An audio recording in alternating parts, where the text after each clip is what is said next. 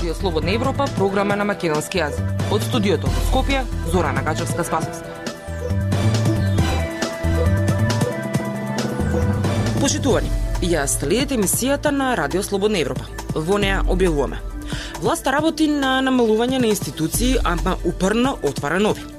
И овој 1 септември сите ученици нема да добијат учебници. Некои ќе треба сами да се ги испечатат. Житните култури се намалија до 50%. Причина – климатските промени. Слушајте не. Независни вести и анализи за иднината на Македонија. На Радио Слободна Европа и слободнаевропа.мк. Владата одлучи да отвори 8 нови национални установи годинава, додека во јавноста тврди дека работи на проект за реорганизација и намалување на бројот на институции. Во изминативе 7 години пак се отворени 74 нови институции, покажуваат извештаите на Министерството за информатичко општество.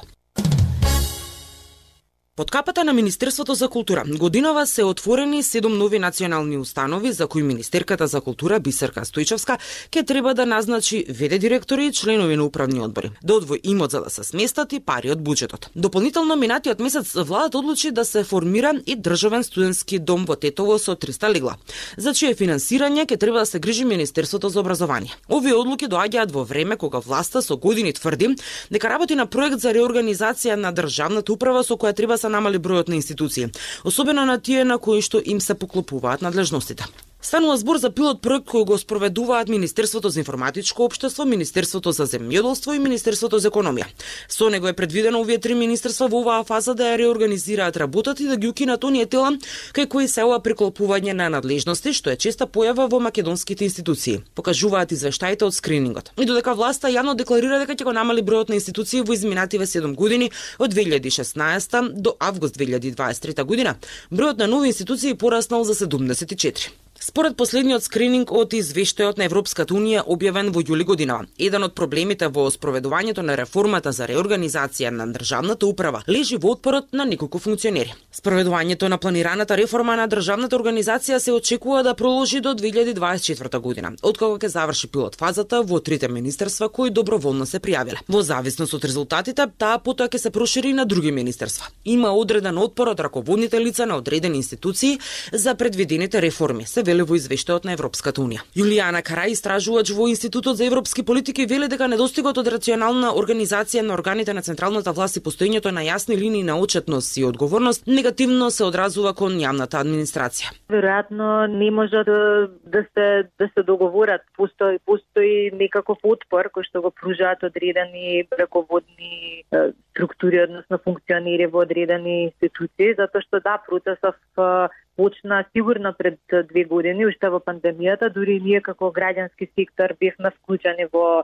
работната група и некако како да затаи сето тоа. Ние исто така немаме сознание до каде овој закон и во која фаза е сега. Препораките се дека владата мора да продолжи со изготвување на законот за државна управа за да се елиминираат сите нефункционалности да се подобри ефикасноста на администрацијата во целина. Ветувањата за оптимизирање на јавната администрација за намалување на бројот на институции но и вработени со години доаѓаат од оваа власт. Днес се ретки ни критиките кои што самите функционери ги упатуваат кон јавната администрација и раководењето на институциите од луѓе кои што партиите на власт ги назначиле. Реформата за јавна администрација беше заведена и во така наречениот план за итни реформи 369 од 2017 година и планот 18 кој беше објавен една година подоцна.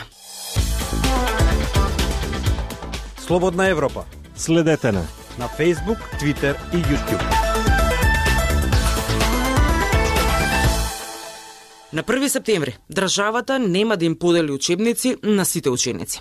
Тие што нема да добијат ќе учат од помошни материјали во електронска форма. Оти Министерството за образование годинава не планира да ги достави во печатено.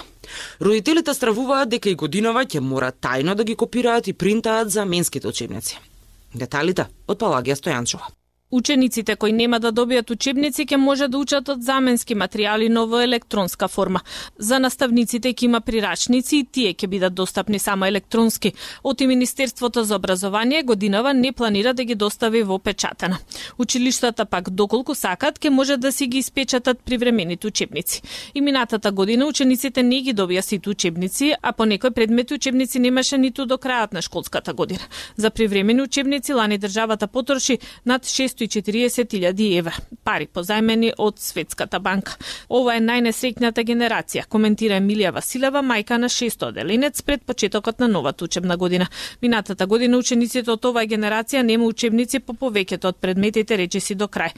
Учебникот по македонски јазик во училиште бил доставен еден ден откако учениците заминаа на распуст.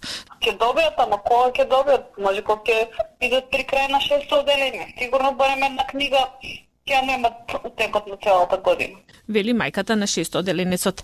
За предмет PDF форматот е начелно добра варијанта за наставникот и за онлайн наставата, но никако и за учениците. Вели наставникот Гоце Бумбаровски од основното училиште Кочо Рацин од Прилеп. Дали сите ученици имат каде да го отворат и да го користат учебникот додека се на час и уште поважно додека се дома. Дигитализацијата е убава работа, но мора постепено да се воведува. Во овој случај се е сведено на импровизација вели тој. Бумбаровски посетува на периодот пред две години кога беа воведени така наречените дигитални учебници во четврто одделение. Тогашната министерка за образование Мила Царовска, која беше застапник на овој проект, и просветните инспектори строго забранува печатење и фотокопирање на дигиталните учебници.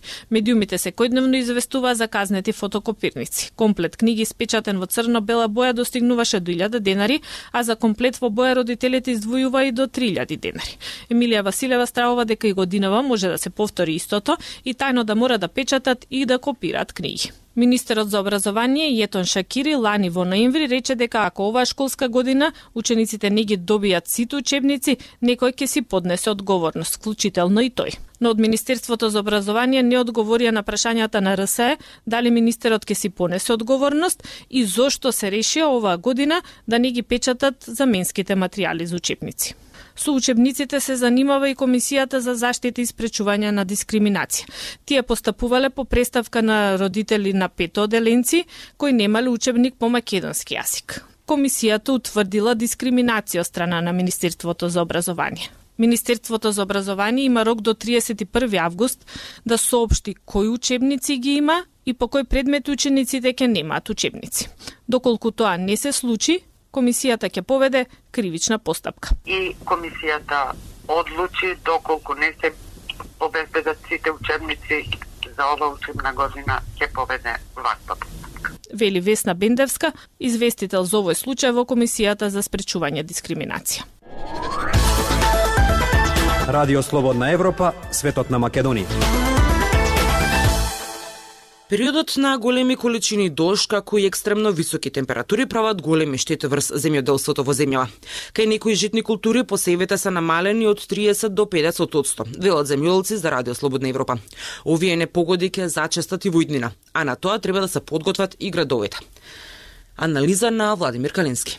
Земјоделците во земјава се соочени со тешка ситуација за време на жетвата на житните култури, откако земјата беше прво погодена од големи количини дожд во пролетниот период, од големата влага во почвата, житото, пченицата, јачменот и другите култури фаќаат болести.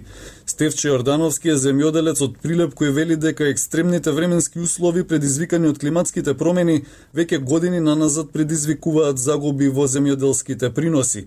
Оваа година особено се погодени житните култури бидејќи пролетта беше доста врнежлива и кај нив се јавиле многу болести поради што што во многу случаи приносите се доста намалени, објаснува тој, додавајќи дека намалувањето зависи од регион до регион, почвата и обработливата површина, но дека загубите годинава достигнуваат од 30 до 50%. Ако зборуваме за жито, за пченица и други житни култури, јачме, не знам и други житни култури, кај баш проблемо настана со врнежите. Голем прилив на, на дожд, на вода и, и долг временски период траеше. А за другите култури, сега што се пролетните другите култури, па Кањев проблемот ќе настане сега со жештината. Вели Јордановски за Радио Слободна Европа. Во Македонија во пролетниот период имаше многу дождови, а периодов има високи температури кои некои денови беа над 40 степени.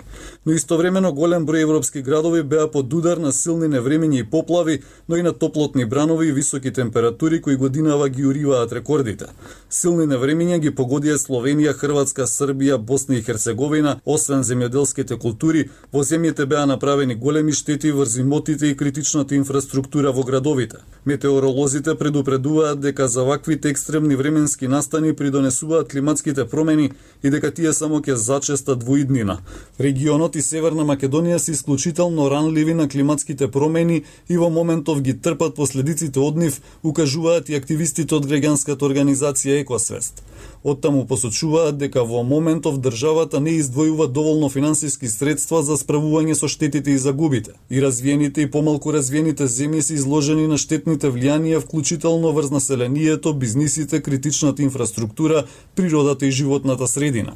Климатските промени се предизвики за архитектурата и урбанизмот, бидејќи тие мора да се земат предвид во планирањето на градовите и другите населени места, вели архитектот Мишко Ралев, председател на Асоциацијата на архитекти на Македонија. А, на вистина а, е голем проблем и индустријата и градежната индустрија како производство на конструкции материјали, проектирањето, планирањето на градови и на и на населени места треба да ги прати а, овие и сметам дека дека тоа е всушност иднината на развојот на архитектурата и урбанизмот. Вели Ралев, за тоа што ќе се случува во Северна Македонија и регионот, изработени се сценарија за наредните 30 до 50 години во повеќе домашни и меѓународни студии. Актуелности свет на Радио Слободна Европа. По смртта на познатата афганистанска јутјуберка, која наводно била отруена, голем број инфлуенсерки стравуваат за својот живот во оваа земја. Многу познати личности на социјалните мрежи, вклучително и мажи, избегнуваат да ги критикуваат талибанците или да коментираат политика. Повеќе ке слушнете од Марија Томановска. Јутјуберката Хора Сада доби голем број следбеници на социјалните мрежи со нејзините забавни видеа за животот во Афганистан. Дури откако талибанците ја презедоа власта во 2021 година, оваа жена цврсто продолжи да создава содржина за своите повеќе од 300.000 следбеници и покрај обидите на милитантната група да ги избрише жените од јавниот живот. Профилите на социјалните мрежи на Садат замолкнаа минатата недела. Таа наводно била отруена откако присуствувала на приватен настан во Кабул. Талибанците соопштија дека уапсиле маши жена во врска со нејзината смрт. Иако мотивот за нејзиното наводно труење не е јасен, нејзината смрт ги исплаши познатите жени на интернет и инфлуенсерките кои се уште се активни во Афганистан. Во интервју за Радио Азади на Радио Слободна Европа, неколку јутјуберки кои сакаа да останат анонимни од безбедносни причини, рекоа дека се плашат за својот живот и дека ги прекинале своите активности активности на интернет. Секоја жена која работи за медиумите и е активна во граѓанското општество или се појавува на социјалните мрежи, се соочува со екстремни закани. Ни изјави јутјуберката Шакила која побара да не се користи незиното вистинско име. Таа вели дека повеќе не снима јавно и избира да снима во безбедноста на нејзиниот дом но дури и тогаш не го покажува своето лице во незините видеа. Само неколку млади афганистански јутјубери ги продолжија своите активности под талибанците, кои на брутален начин го потиснаа несогласувањето откако дојдоа на власт пред две години. Многу познати личности на социјалните мрежи, вклучително и мажи, избегнуваат да го критикуваат талибанскиот режим или да коментираат политика. Наместо тоа тие се фокусираат на прикажување на афганистанската култура и природната убавина, но и покрај нивната аполитична природа, таквата содржина фрли малку сенка врз Афганистан под талибанска власт. Сураја е друга јутјуберка во Кабул. Таа вели дека смртта на Садат расширила страф меѓу афганистанските жени кои играат видлива улога во општеството. Некои активисти за правата на жените ги обвинија талибанците за смртта на Садат, иако нема докази за нивна вмешаност. Минатата недела членовите на движењето за зајакнување на афганистанските жени се собраа на гробот на Садат за да изразат загриженост поради како што рекоа таргетираните убиства на истакнати жени. Смртта на Садат ги истакна опасностите со кои се соочуваат жените под талибанската власт. Откако ја презедоа власта, екстремистичката исламистичка група им забрани на жените да се школуваат и да водат бизнис, со што практично им беше одземена јавната улога во општеството, истовремено наметнувајќи строги ограничувања за нивното движење и изглед. Милитантите насилно ги задушуваа женските протести и приведоа женски активисти.